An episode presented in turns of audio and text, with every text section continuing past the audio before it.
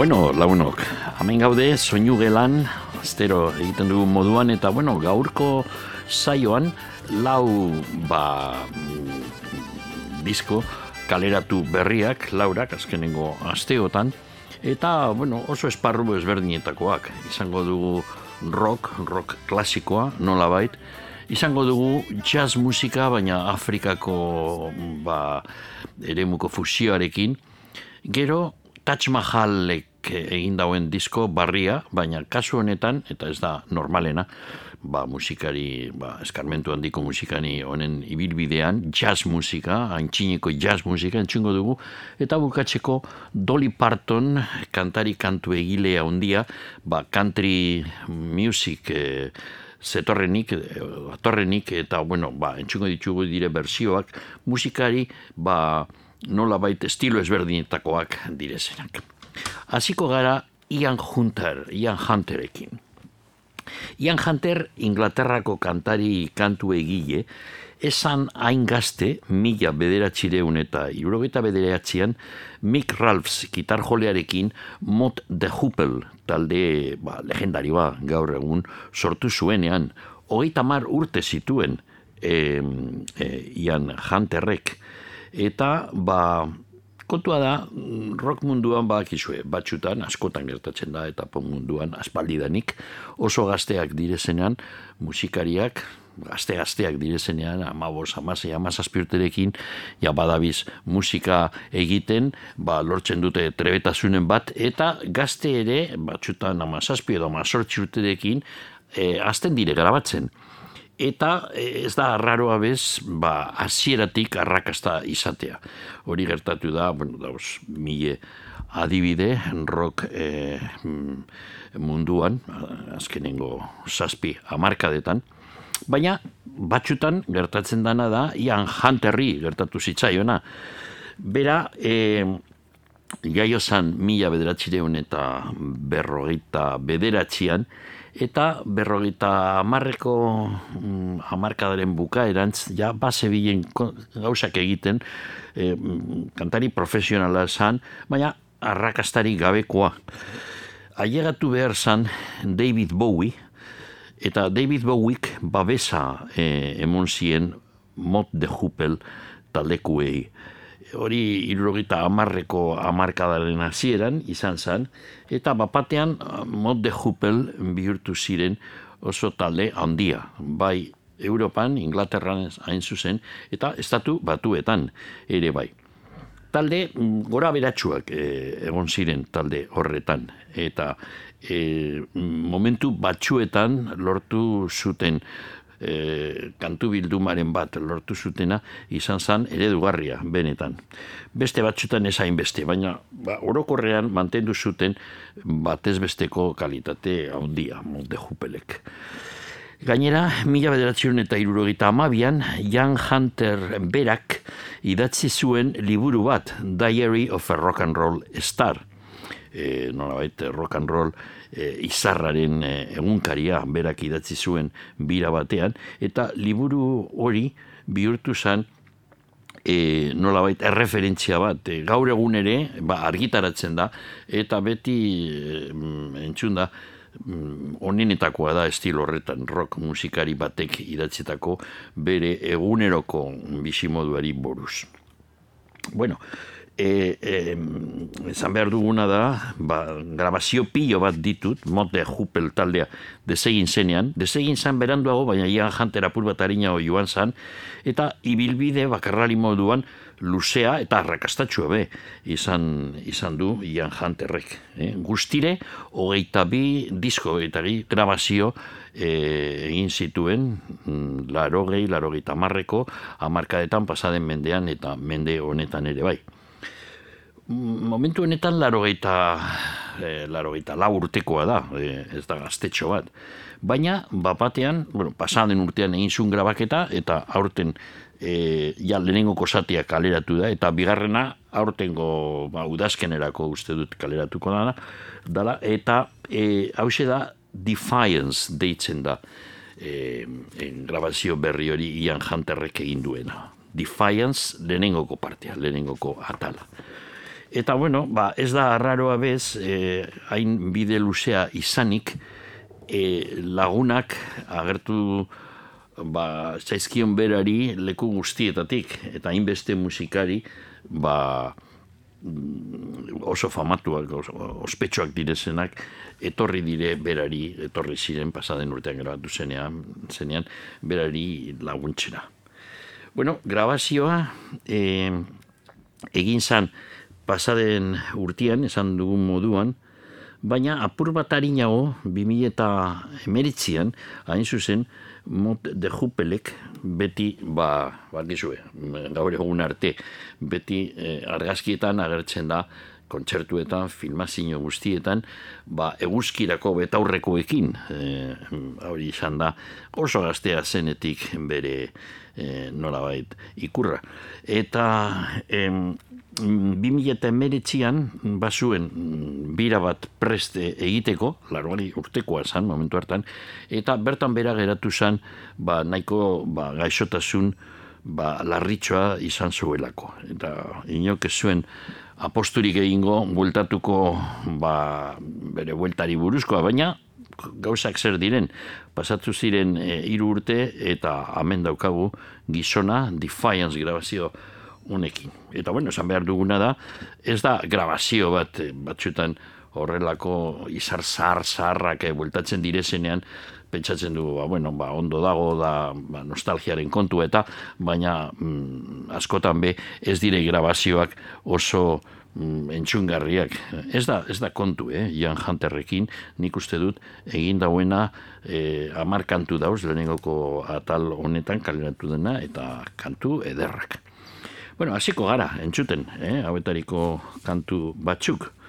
Eh, lehenengokoan, entzungo dugun lehenengokoa, mm, deko honek eh, izena, eh, diskoaren moduan, Defiance, hemen eh, badauz musikari batzuk, mm, gutxi gura beda, mm, kantu guztietan agertzen direzenak, Andy York agertzen da guztietan, Jan Hunterrek kantau ere, jakina, abestu egiten dau, Baina horretaz aparte, e, kanturen baten, orain entzungo dugun kantuan, Defiance, e, kantu honetan, gitarra elektrikoa jotzen dago, baina mm, kantu gehienetan pianoa jotzen dago, piano jole ona ere bada ian e, Hunter.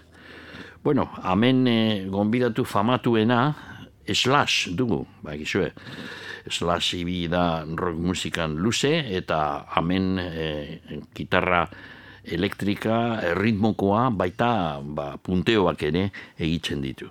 Hau da kantua, Defiance, Ian Hunter.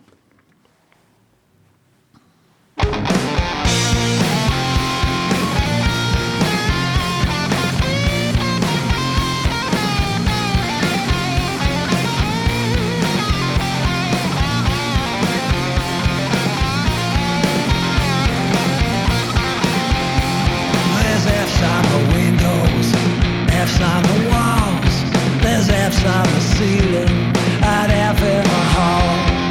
Concrete's a gallery, paint everywhere, pictures of insolence, praying in the stairs. There's abs in the ladies, not apps in the gents. If I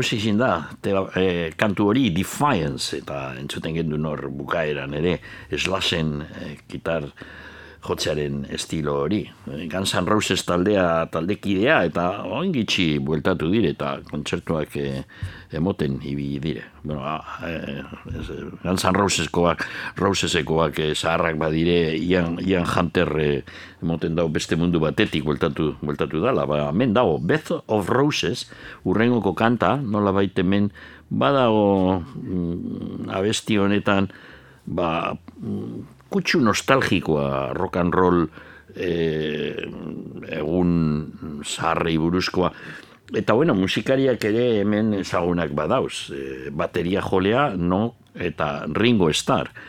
Eta Mike Campbell, e, beti Petirekin eta Heartbreakers, ez bakarrik gitar jolea, kantu egilea kasu batean, musikari e, aparta, benetan, e, eurek beste batzuekin batera, Andy Barton, organo jolea badago, e, Jan Hunter kasu honetan, lehen esan dugun moduan, e, piano jole dugu, eta hau da kantua, Bed of Roses.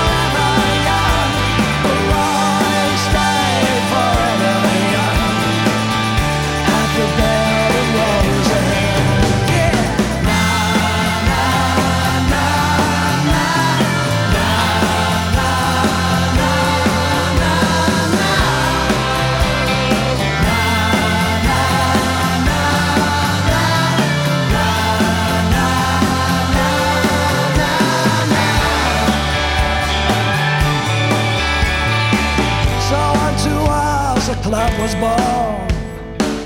A fallout shelter from the storm. And I was proud to be a fall in the bed of roses. You can never go back, so they say.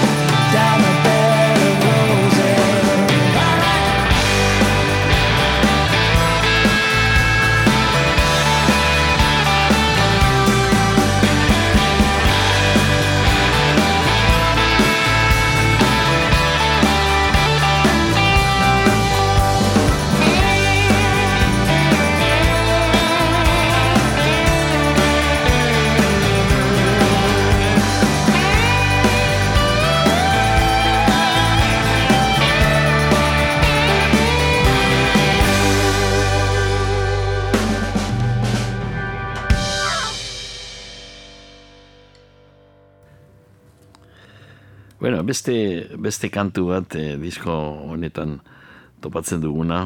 Agian ez da kanturik onena disko honetan, baina badago gauza bitxie. Deitzen da kantua No Hard Feelings.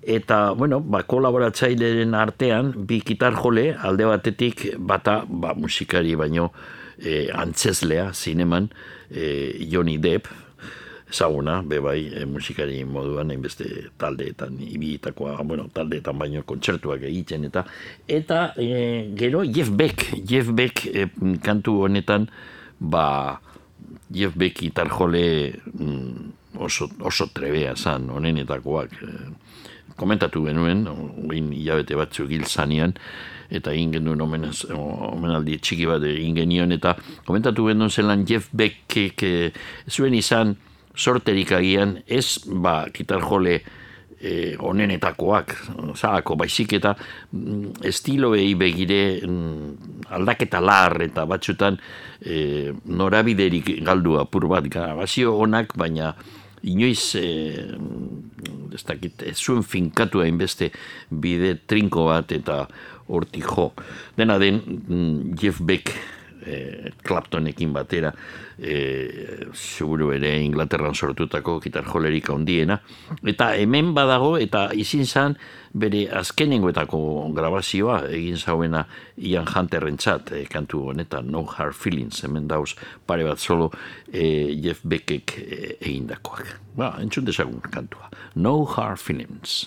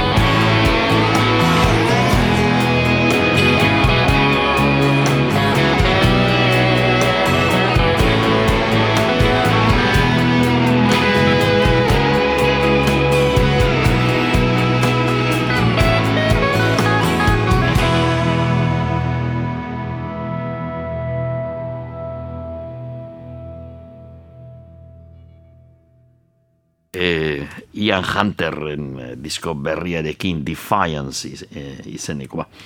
Ba, esan zauen eh, berak, eh, oingitxi, jendeak dio, zijoen berak, eh, jendea nire edadekoak eh, eh, zuen eh, diskorik eh, egin behar. Eta, bueno, egia esan...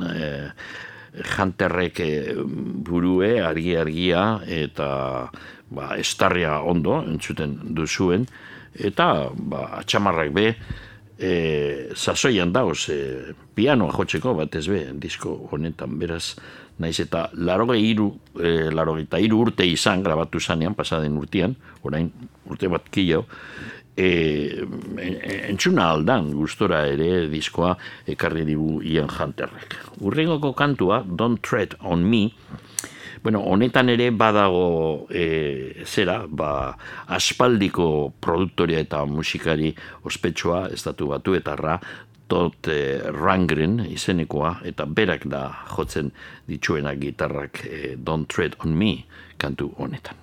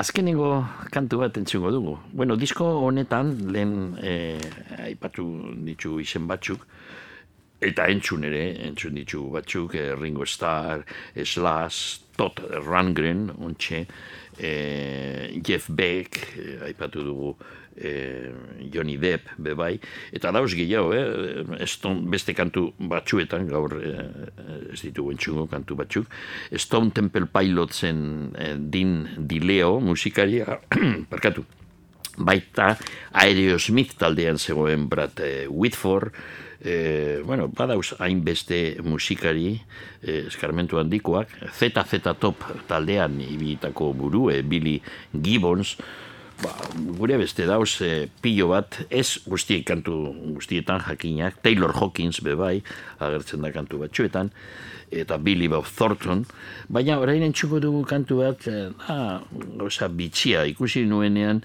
Gernika e, zuela e, kantu bate e, izena zuena e, joan nintzen begiratzera apur bat hitzak eta bueno, ba, bado hau jakine harremanen bat Gernikarekin, baina ez zuzen gertatukoarekin baizik eta ba, Picassok egin zuen e, margoari buruz. Eta kantu honetan badugu berriro ere Mike Campbell, e, Heartbreakers taldearen gitar jolea, ba, Ian Hunterri lagunduz. Hau da kantua, Gernika.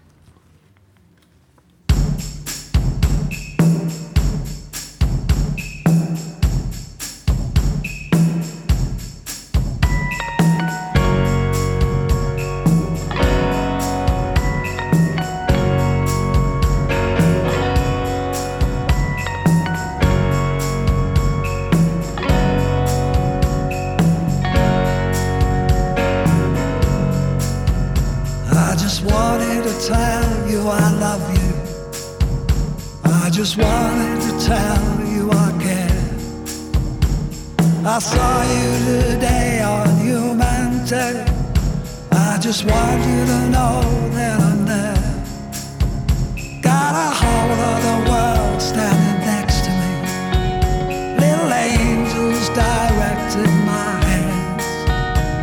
They won't let me choose from the colors I use. They want violence and black like Cezanne. The rage inside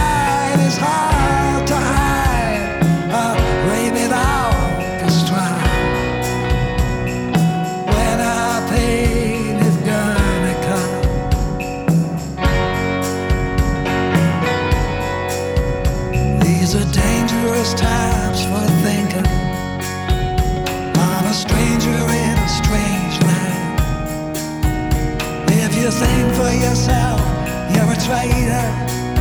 It's like walking on quicksand. So I work in the shadows of uncertainty, waiting for that knock on the door. When a go lighter says, Is this your idea? I said, No, I thought it was yours. Just a throw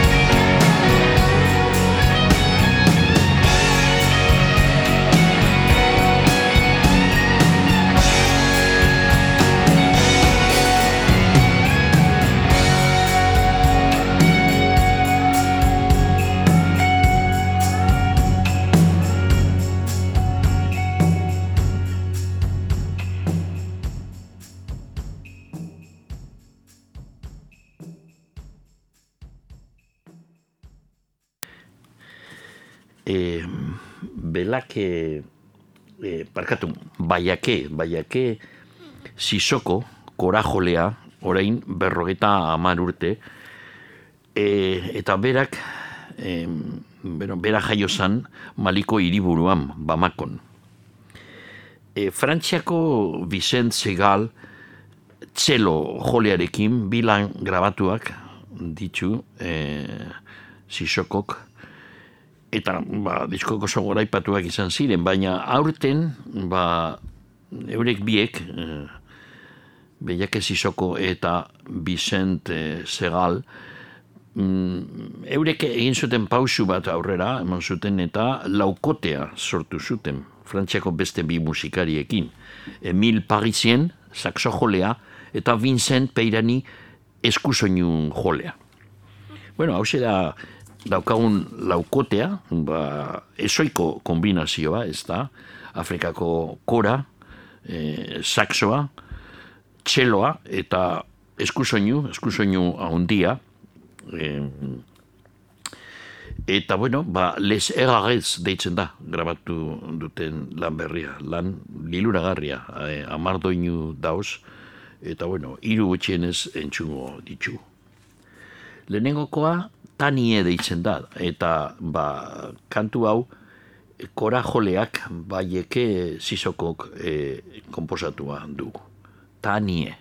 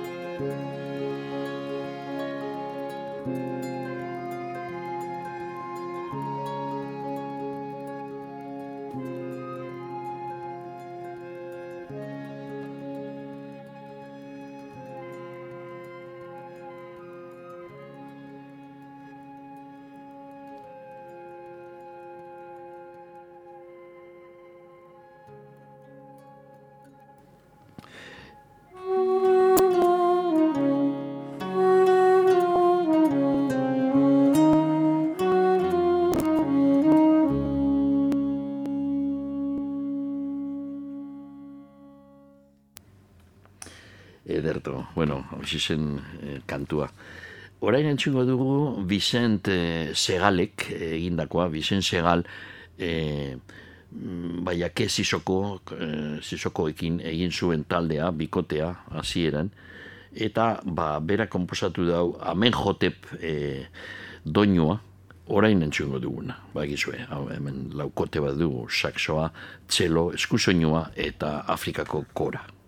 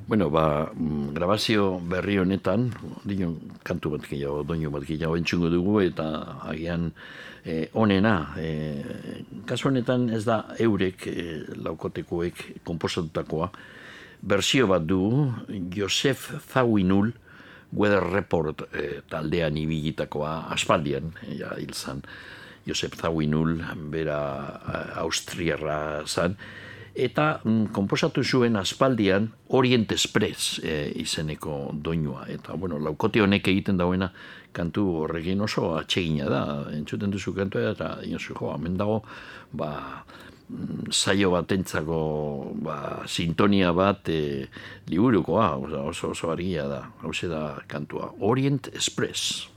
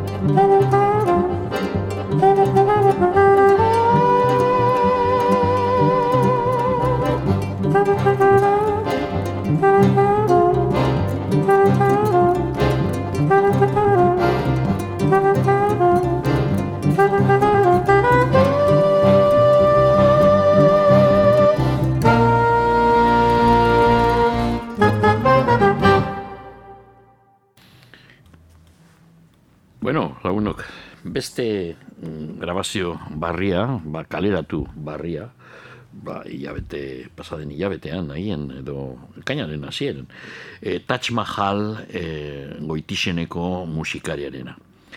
Taj Mahal e, New Yorkeko Harlemen, Harlem hausoan, jaio zan mila bederatzeeun eta berroeita bian. Horrek esan nahi dau, ba, oraindik, orain e, zera, laro e, bat urte dituela, ba, berak, Eta, bueno, esan behar duguna da bere, bere gurasoek e, musikarik, musikarekiko harreman estua zuten. Aitak Karibean zituen sustraiak eta jaspian jolea izan zen eta bere ama gospel abesten irakasten zuen. Gurasoek, e, Taj Mahalek kontatu dauen moduan orain, Harlemeko Saboi dantxaleku famatuan, leku mitikoa, Rainman Blues eta Jazz historian, e, bertan ezagutu ziren.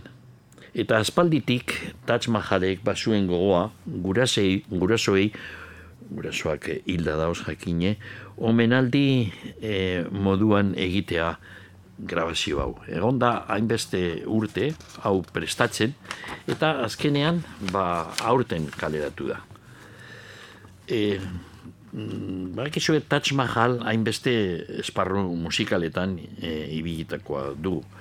E, batez be, blues, akustikoa eta elektrikoa izan da bere estilo gogokoena, baina daratarik egin da, eh? Karibeko musika, Hawaiiekoa, Hawaien bizi da, Taj Mahal espalditik, Afrikako musika, Indiakoa ere bai, gospel, rock, rhythm and blues, umentzako musika, ba, pelikuletarako soundtracks, banda sonorak, bueno, ia danatarik egin dau eta beti musikologo baten ikuspuntua ekartzen zuen bere grabazioetara. Nigo horatzen naiz aspaldian, ere, eh? hain ez da bat amarka da. E, gazteizko zehan daitzen zen leku hori, Jimmy Jazz e, aretoan, e, kontzertu ederra, e, oso kontzertu ederra egin zuen. Bantzen naiz, e, sartxean, ondoan, gure ondoan pasatu zen barruren txa, Taj Mahal da hortik agian izena, eh? tipo altua, emoten da hori, saskibaloiko jokalaria izingo zela, baina zorionez musika aukeratu zuen ogibidea. E, irurogeiko amarkadan, hasi, hasi zan grabatzen, e, raikuderrekin batera, e, izan zuen Taj Mahalek The Rising Sons e, e, raikuder musikariarekin, taldea The Rising Sons izan zen, Eta laster, Columbia diskoetxean, CBS-en, gara hartan, deitzen zanean, e, Taj Mahal eta The National Blues, iruroita zazpian eta iruroita sortxian grabatu zituen, eta hortik bere bidea mm, luze izin zan, izan da. E, John Simon produktoria da disko berri honetan bigarren e, zera, musikari ekoizlea kasu honetan produktorea ezinbestekoa. John Simon, e, New Yorkeko Columbia disko etxean be, hasi izan mila bedatzen eta iruro eta sortxian, grabatu zuen produktore moduan, baina berak jotzen zuen piano bai askotan, Electric Flag taldearen lehenengoko mm, grabazioa. Gero, hainbeste kantariekin ibili da John Simon, Columbian, Leonard Cohen, Simon and Garfunkel, Gordon Lightful, Charles Lloyd, Janis Joplin and the Big Brother, bueno, badauz taldeak gure beste, The Band, eh, Bob Dylan banda, gero bihurtu sana talde garrantzitsu bat, eh, lehenengoko bi, grabazioak berak produzizduak izan ziren. Gara hartan esaten zuten John Simon Zania ia The Band zeigarren e, partaitia. E, Taj Mahalekin jo zuen The Real Thing grabazioan, iruro eta amabian, eta gero bimi eta zeian, bira batean izan zan bere laguntzailea. Eta ba, John Simon baino aproposagoa, segurazki ez zegoen grabazio hau egiteko amen agertzen da, ba, azalean, diskoaren azalean, Savoy, e, World's Finest Ballroom, munduko dantzalekurik eta e, onena. E, hasiko gara, kantu bat deitzen dana, Stomping at the Savoy. E? e, touch aurkezten dau kantu hori, txik webek egin zuen kantua, e, mila bedatzen eta hogeita amalauan, eta ba, grabatu zuen Ella Fitzgeraldekin. Eta berandoa Louis Armstrongek ere grabatu zuen kantu hau. Bueno, hau da, da, Stomping at the Savoy.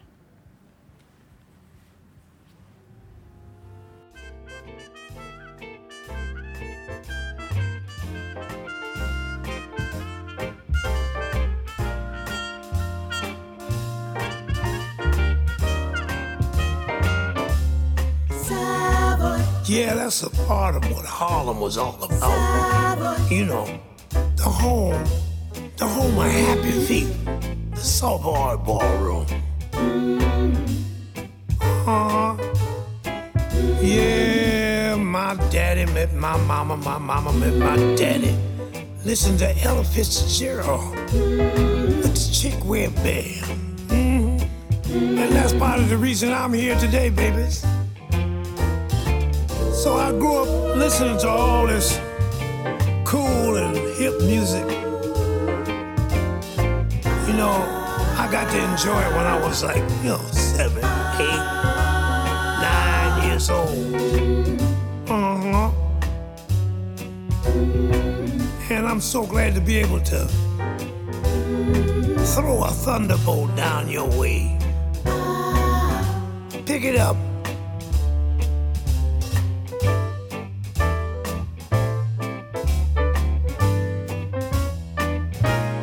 so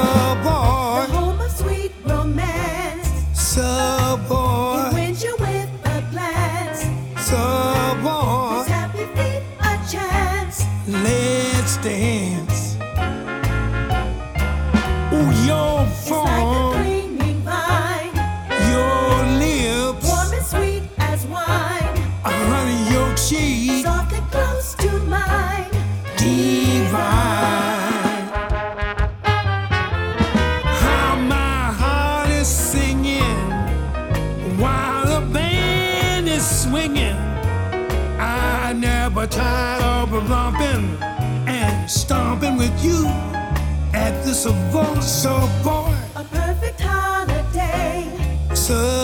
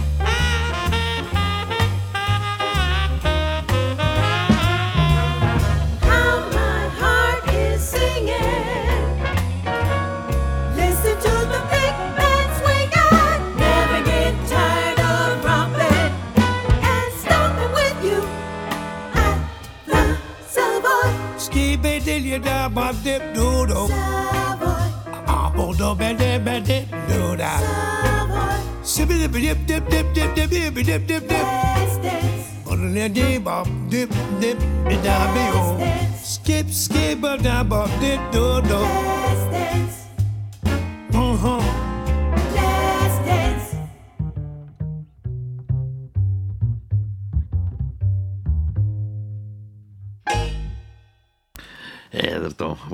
Savoy dantxalekoa Harlemen zabaldu zan mila bederatzi egun eta hogeita zeian, ia orain, ia egun urte.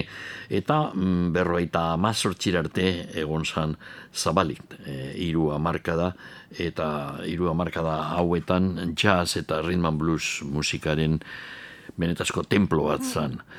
E, urrengoko kantua, I am just lucky so and so, Mila bederatzen eta berroita bostean, komposatu zuen Duke Ellingtonek, eta grabatu egin zuen bere orkestarekin eta Al Hibler abezlarierekin. John Simonek lortu dauena da, ba, mm, olako musika talde mm, txiker batekin, ba, ondo, mm, ez dakit imitatzea ez da hitza, baina sonoridadea hemen emoten daudala orkestra handiarena Kristen Strom, e, jotzen dau hemen txirulak, eta gero daukagu, ba, aizesko, ba, laukote bat launtxen. Hau da, I am just lucky, so and so. Touch Mahalek abesten dau.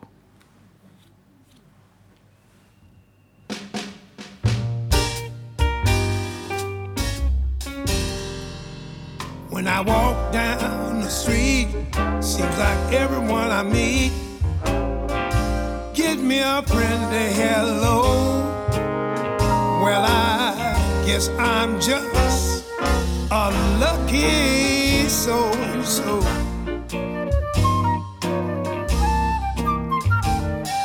The birds in every tree all sing so merrily. They sing wherever I go. I, I guess I'm just a lucky so and so.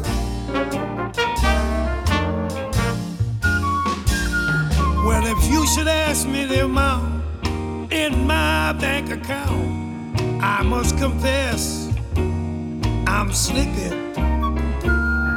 But that don't bother me, cause confidentially I got a dream that's that's just a pippin.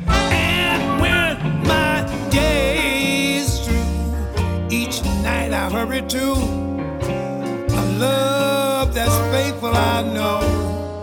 Well, I, I, I guess I'm just a lucky so and so.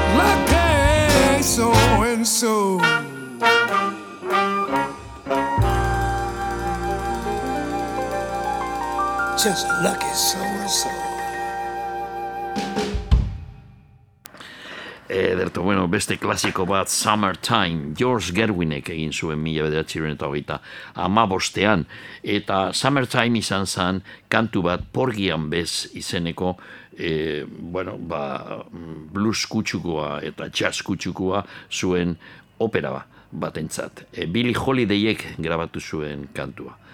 E, oin entzungo dugu Taj Mahalik grabatu dauena, grabatu zanean John Simonek esan zion e, Gil Evans piano jolea oso eraginkorra izan zan Gershwinen garaitik eta mm, Gil Evans ezin Gil Evans ezin astu izin zan Miles Davis haundiaren hiru grabazio ba funtseskoen produktorea. Hau da Summertime George Gershwinen kantua.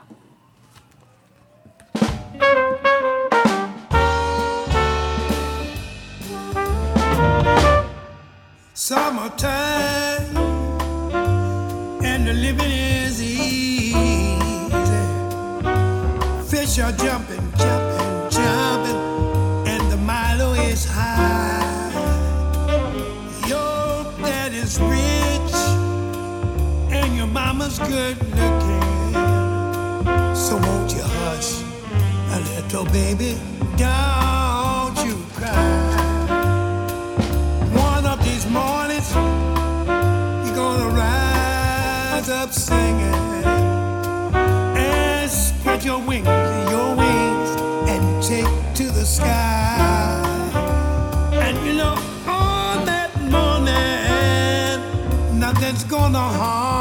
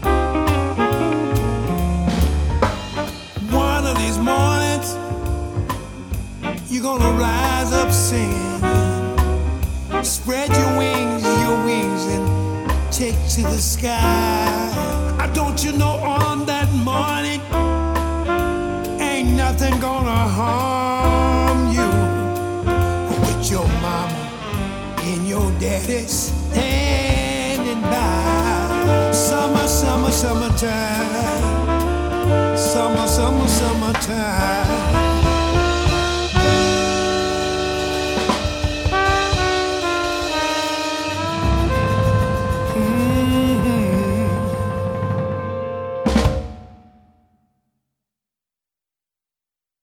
Beste klasiko bat, Sweet Georgia Brown, hau zaharragoa da, mila behatzen eta hogeita bostean grabatu zen, lehenengoko aldiz. Eta, bueno, ba, hemen eh, drummer, eh, bateria jolea Leon Joyce Jr. daukagu. Eh, he was, eh, zera, bera, egon zan eh, Ramsey Lewis eh, irukote arekin, eh, eta lan egin zuen jente askorekin, eh, Johnny Adams, Percy Mayfield, Smokey Robinson, Patti LaBelle, jente askorekin.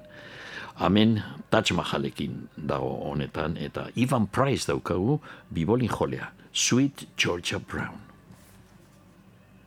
A one, two, a one, two, three.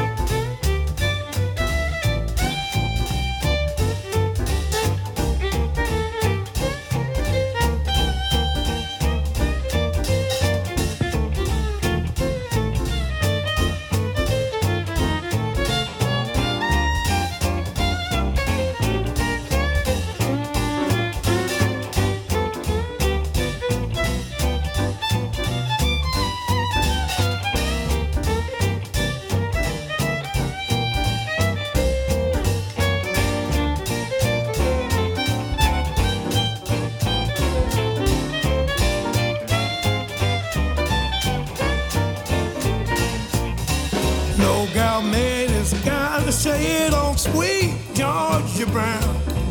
Two left feet, oh so neat as sweet Georgia Brown. They all sigh, want to die for sweet Georgia Brown. I'm telling you just why I don't lie, no, not much. Ooh, it's been said she knocks 'em dead when she lands in town. Since she came, why it's a shame how she cools them down. Fellas, she can't get, mm, fellas, she ain't met. Georgia claimed her, Georgia made her, sweet Georgia Brown.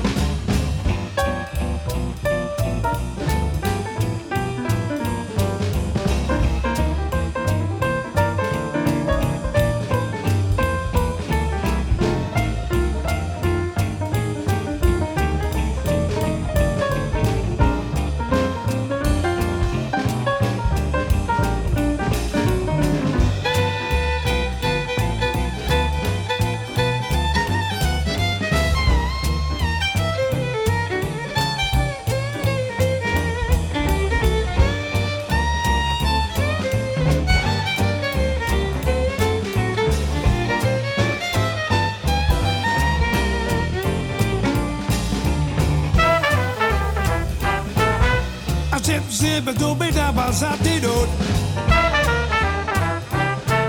Brap bap bap bap do do do. dip. Zip zip zip zip zip zip zip.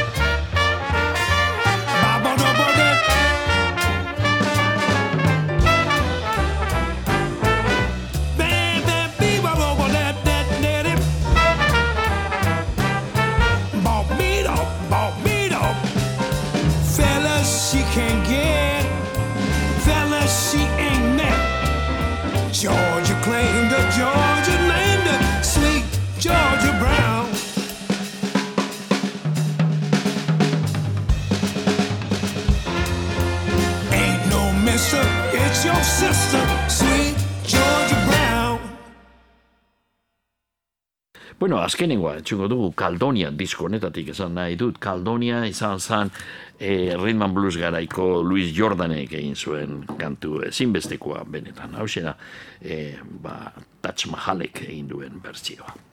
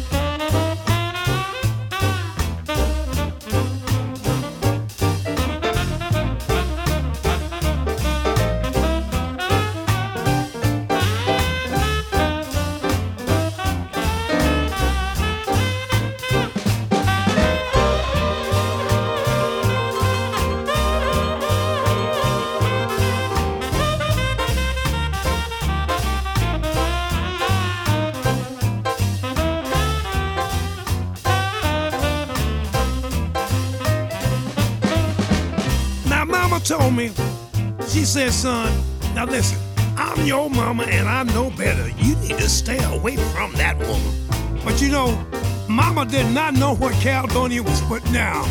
So I'm going down to Caledonia's house one more time. Caledonia! Caledonia! What make your big head so hard? Honey, I love you. Love you just the same. Crazy about you, baby, cause Caledonia is your name.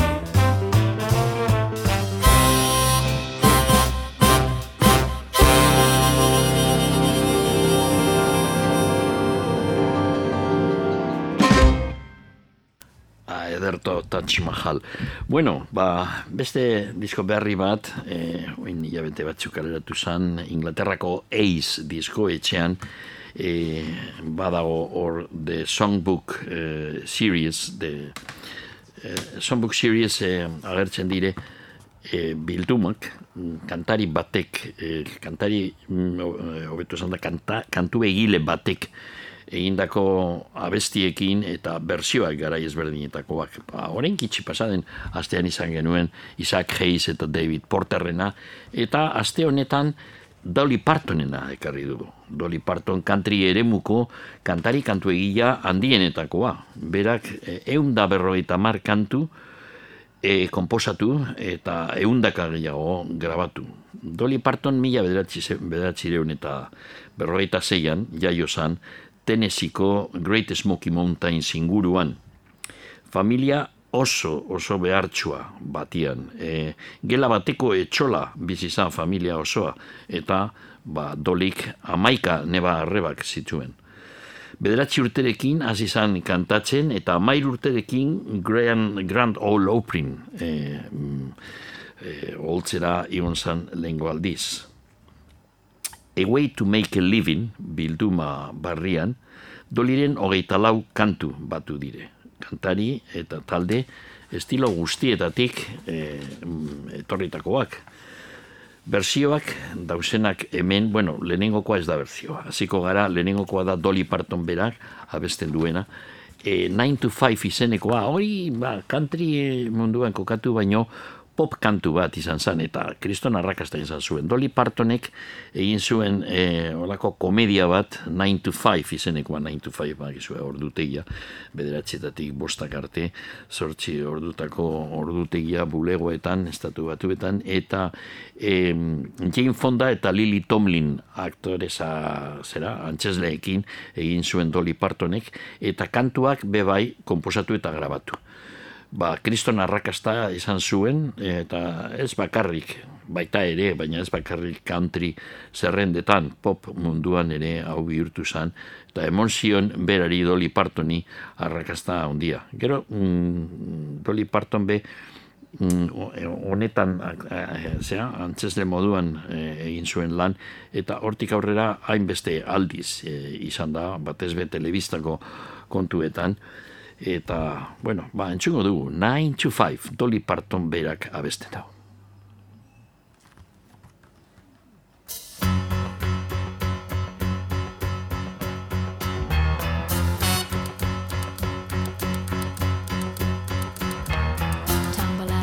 and I stumble to the kitchen. Pour myself a cup of ambition and yawn and stretch and try to come to life.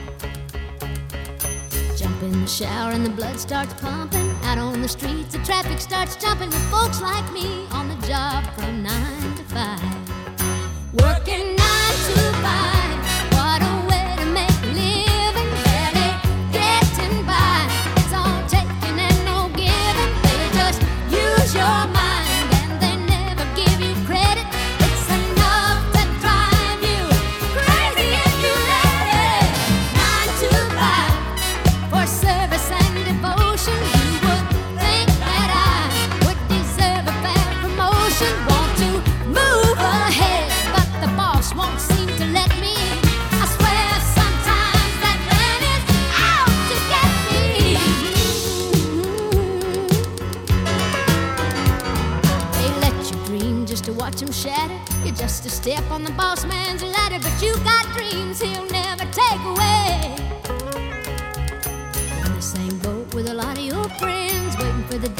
ship will come in and the tide's gonna turn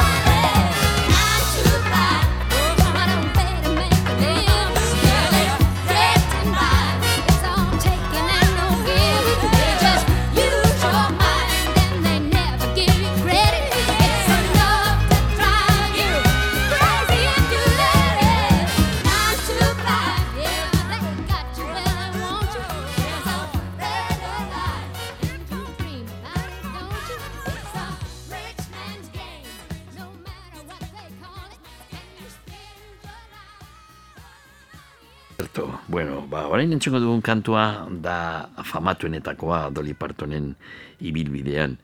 E, berak grabatu zuen jatorriz mila bederatzen eta irurogeita amaikan eta top 5 bat izan zen country zerrendetan. Coat of Many Colors, kolore askotako berokia. E, lehen esan dugun moduan, ba, Dolly Partonen etxian, eh, ez egoen dirurik. Eta, bueno, bere amak egin zion, holako beroki bat, e, oial solteekin, e, hainbeste oial ezberdinekin, eta hortik izena, Coat of Many Colors. Eta, bueno, berak kontatzen zuen, joaten zanean eskolara, bulin eta ba, barre egiten zuten berataz rollo honetaz. Eta kantu hau egin zuen, Coat of Many Colors. Entzungo dugun berzioa, Emilu Harrisek grabatu zuen apur bat beranduago, mila bederatzeron eta iruro eta amabostean, Pieces of the Sky, de Emilu, Emiluren lehenengoko LP-an, eta bueno, esan behar duguna da, beranduago, Emilu Harris eta Dolly Partonek, eta biek batera e, Linda Rostanek be, grabatu zuten LP bat trio irukotea izenekoa. Baina hau da Coat of Many Colors, Emilu Harrisek grabatu zuena, iruro eta amabostean.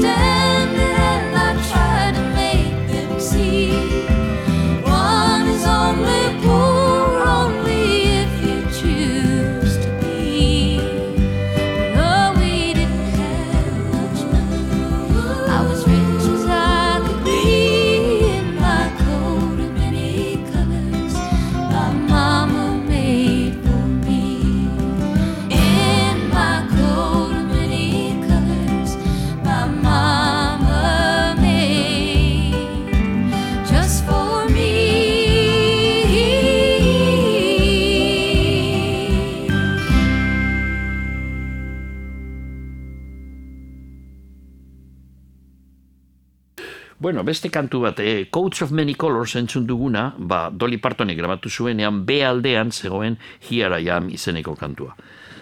Mm, Coats of Many, Coats of Many Colors, ba, berzio pilo bat eh, endauz egin dire, e, berrogeita mar berzio gitxienez, baina orain entzungo duguna Here I Am oso berzio gitxi, Dolly Partonek egin zuen bat beste kantariekin, gero banda sonora baterako beste bat, eta hirugarrena mm, izan zen Percy Sledge e, Alabamako e, soul kantariak e, egin zuena. Percy Sledgeek e, egin zuen bere alde Chris Christophersonen Help Me Make It Through the Night lehenengoko berzioa ba, kantari baltze batek egindakoa. E, Here I Am izan zen e, kantu ederra benetan eta Percy Sledgeek egin zuen lan bikaina. Entzungo dugu kantua.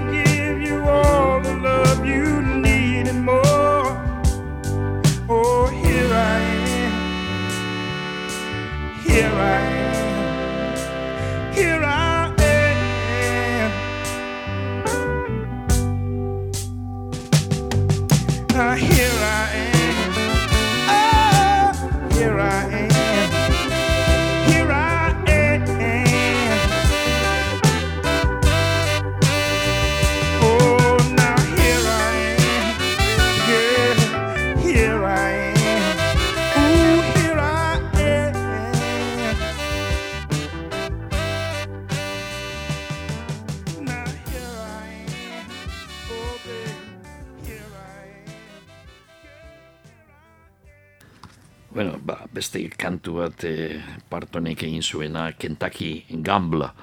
E, kantu hori grabatu zuen mila bederatzen eta ah, ba, eta amairuan, eta ba, urte bat gehiago, bakarrik, ostian, e, Mel Hard handiak e, grabatu zuen, orain entzungo dugun berzioa, Kentucky Gambla.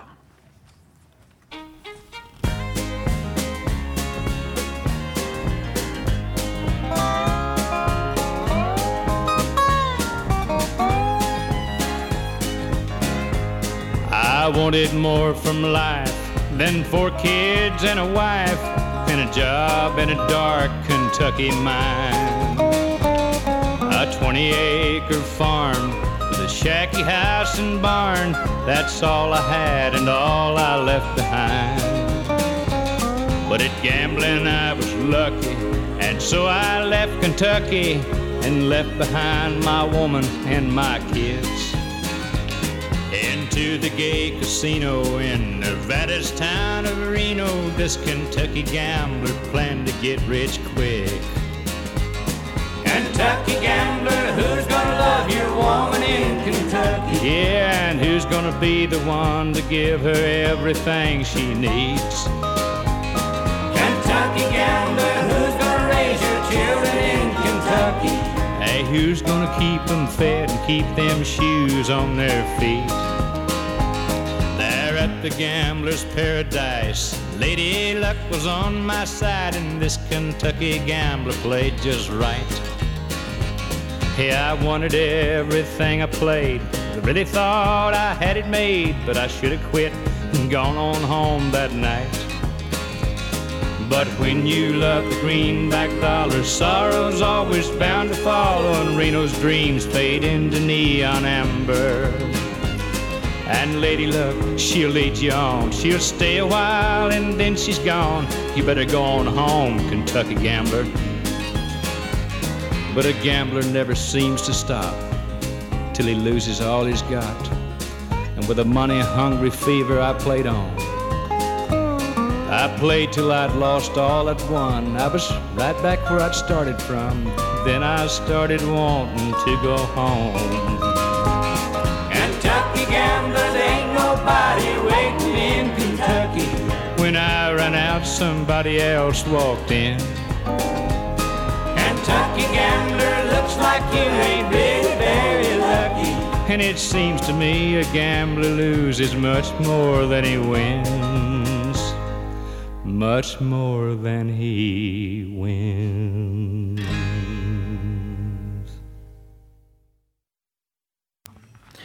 Ederto, bueno, ba, Joe Lynn, mila behatzen eta irurogeita malaban grabatu zuen Dolly Partonek eta ba, kantu eh, hau berreun aldiz bergrabatua izan da. Berzioak dauz, estilo guztietakoak, eh, Olivia Newton-John, James Lass, Candy Staton, The Sisters of Mercy, ba, aipatzeagatik eh, batzuk bakarrik, baina mm, Dolly Partonen gustokoenetakoa izan zen The White Stripes eh, bikoteak grabatu zutena. Jolin grabatu zuten estudioan, eta orain entzungo dugun berzioa, hause 2000 eta marrian erregistratu zen zuzenean. Hause da Jolin.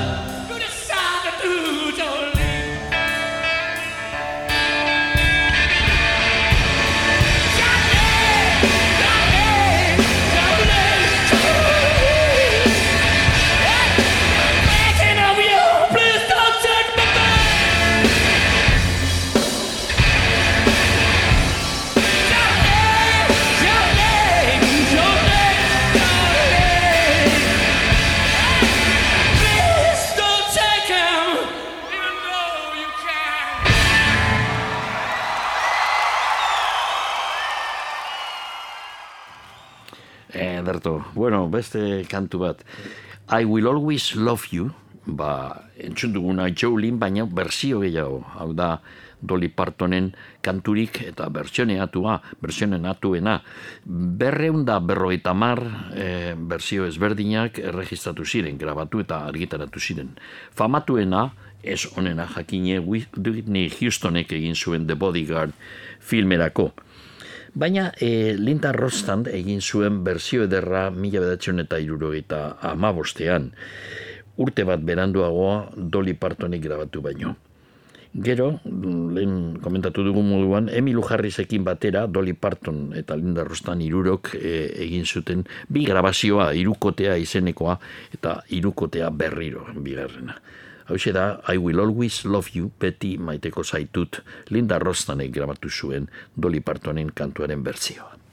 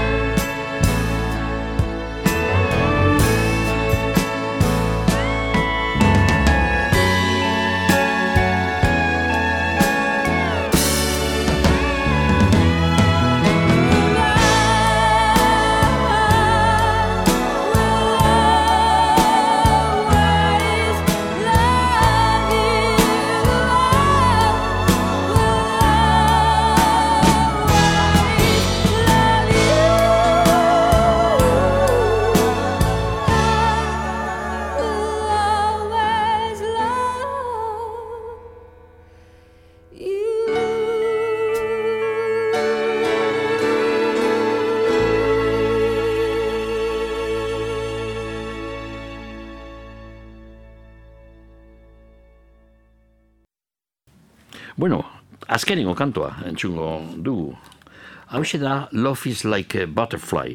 Mm, Mila bedatzen eta irurogeita malauan, komposatu eta grabatu zuen e, Dolly Partonek, I will always love you, entzun dugun kantuarekin batera argitaratu zen. Eta entzungo du, e, dugun berzioa, e, Inglaterran grabatu zuen Greziak, Greziako kantari bat, Joana Nana Muskuri, berak e, Inglaterran grabatzen zuen batez ere The White Rose of Athens deitzen zioten Inglaterran. Eta kantu ba, eremu ezberdinetakoak grabatu zituen. E, azkenengo grabazioa mila, bi mila eta mazortzen egin zuen daro, eta lau urte zituenean. Hause asko zarinago mila bedatzen eta irurogeita mazeian Love is like a butterfly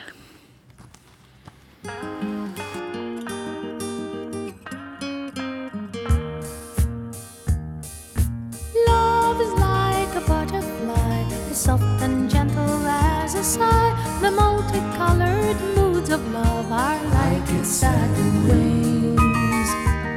Love makes your heart feel strange inside. It flutters like soft wings in flight. Love is like a butterfly, a rare and gentle thing. I feel it when you're with me. It happens when you kiss me. That rare and gentle feeling that I feel inside. Your touch is soft and gentle. Your kiss is warm and tender. Whenever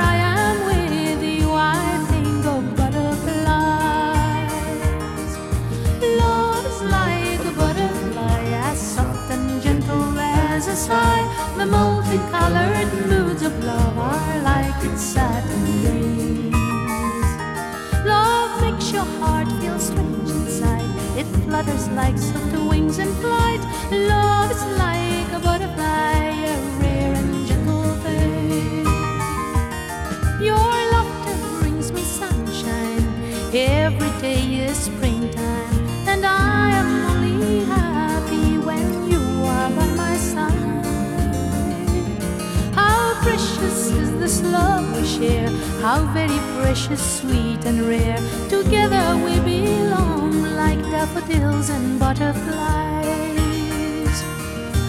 Love's like a butterfly, as soft and gentle as a sigh.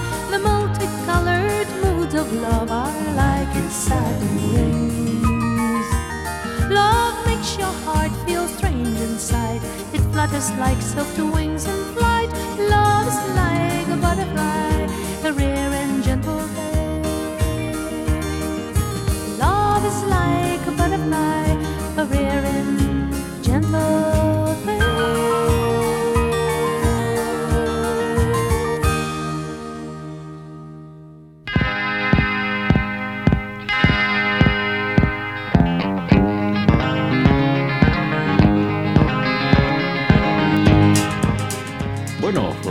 hausi zindadana gure gaurko soinu gelan. Hasieran Ian Hunter, e, eskarmentu handiko, Inglaterrako kantaria Mod de Huppel taldean ibilitako aspaldian, eta gero ibilbide luzea be bakarlari lez. E, zaharra izanik ere oso grabazio indartsua, ekarri digu, Defiance izenekoa. Gero, Parisetik pasatu gara, hor e, laukote bat sortu da, Segal, Parisien eta Peirani, mm, eurek dire e, tzelojolea, e, saxojolea eta soinujolea, eta eurekin batera Maliko, Sisoko, e, zera, korajolea, laro batera jazz e, namardurekin egindako grabazio ederra. E, Taj Mahalen, bebai, Taj Mahalek grabazio berria ekarri dugu Savoy izenekoa, haintxineko jazaren e, abestiekin, doinuekin, eta bukatzeko Dolly Partonen, e, kantri eremuko kantari kantu egien hainbeste abesti entzun ditugu, baina berak baino beste kantari batzuen berzioetan. Hau zizinda dana, gaurko soinu gelan datorren astean, ere berton egongo gara, soinu gelan. Ondo ibili.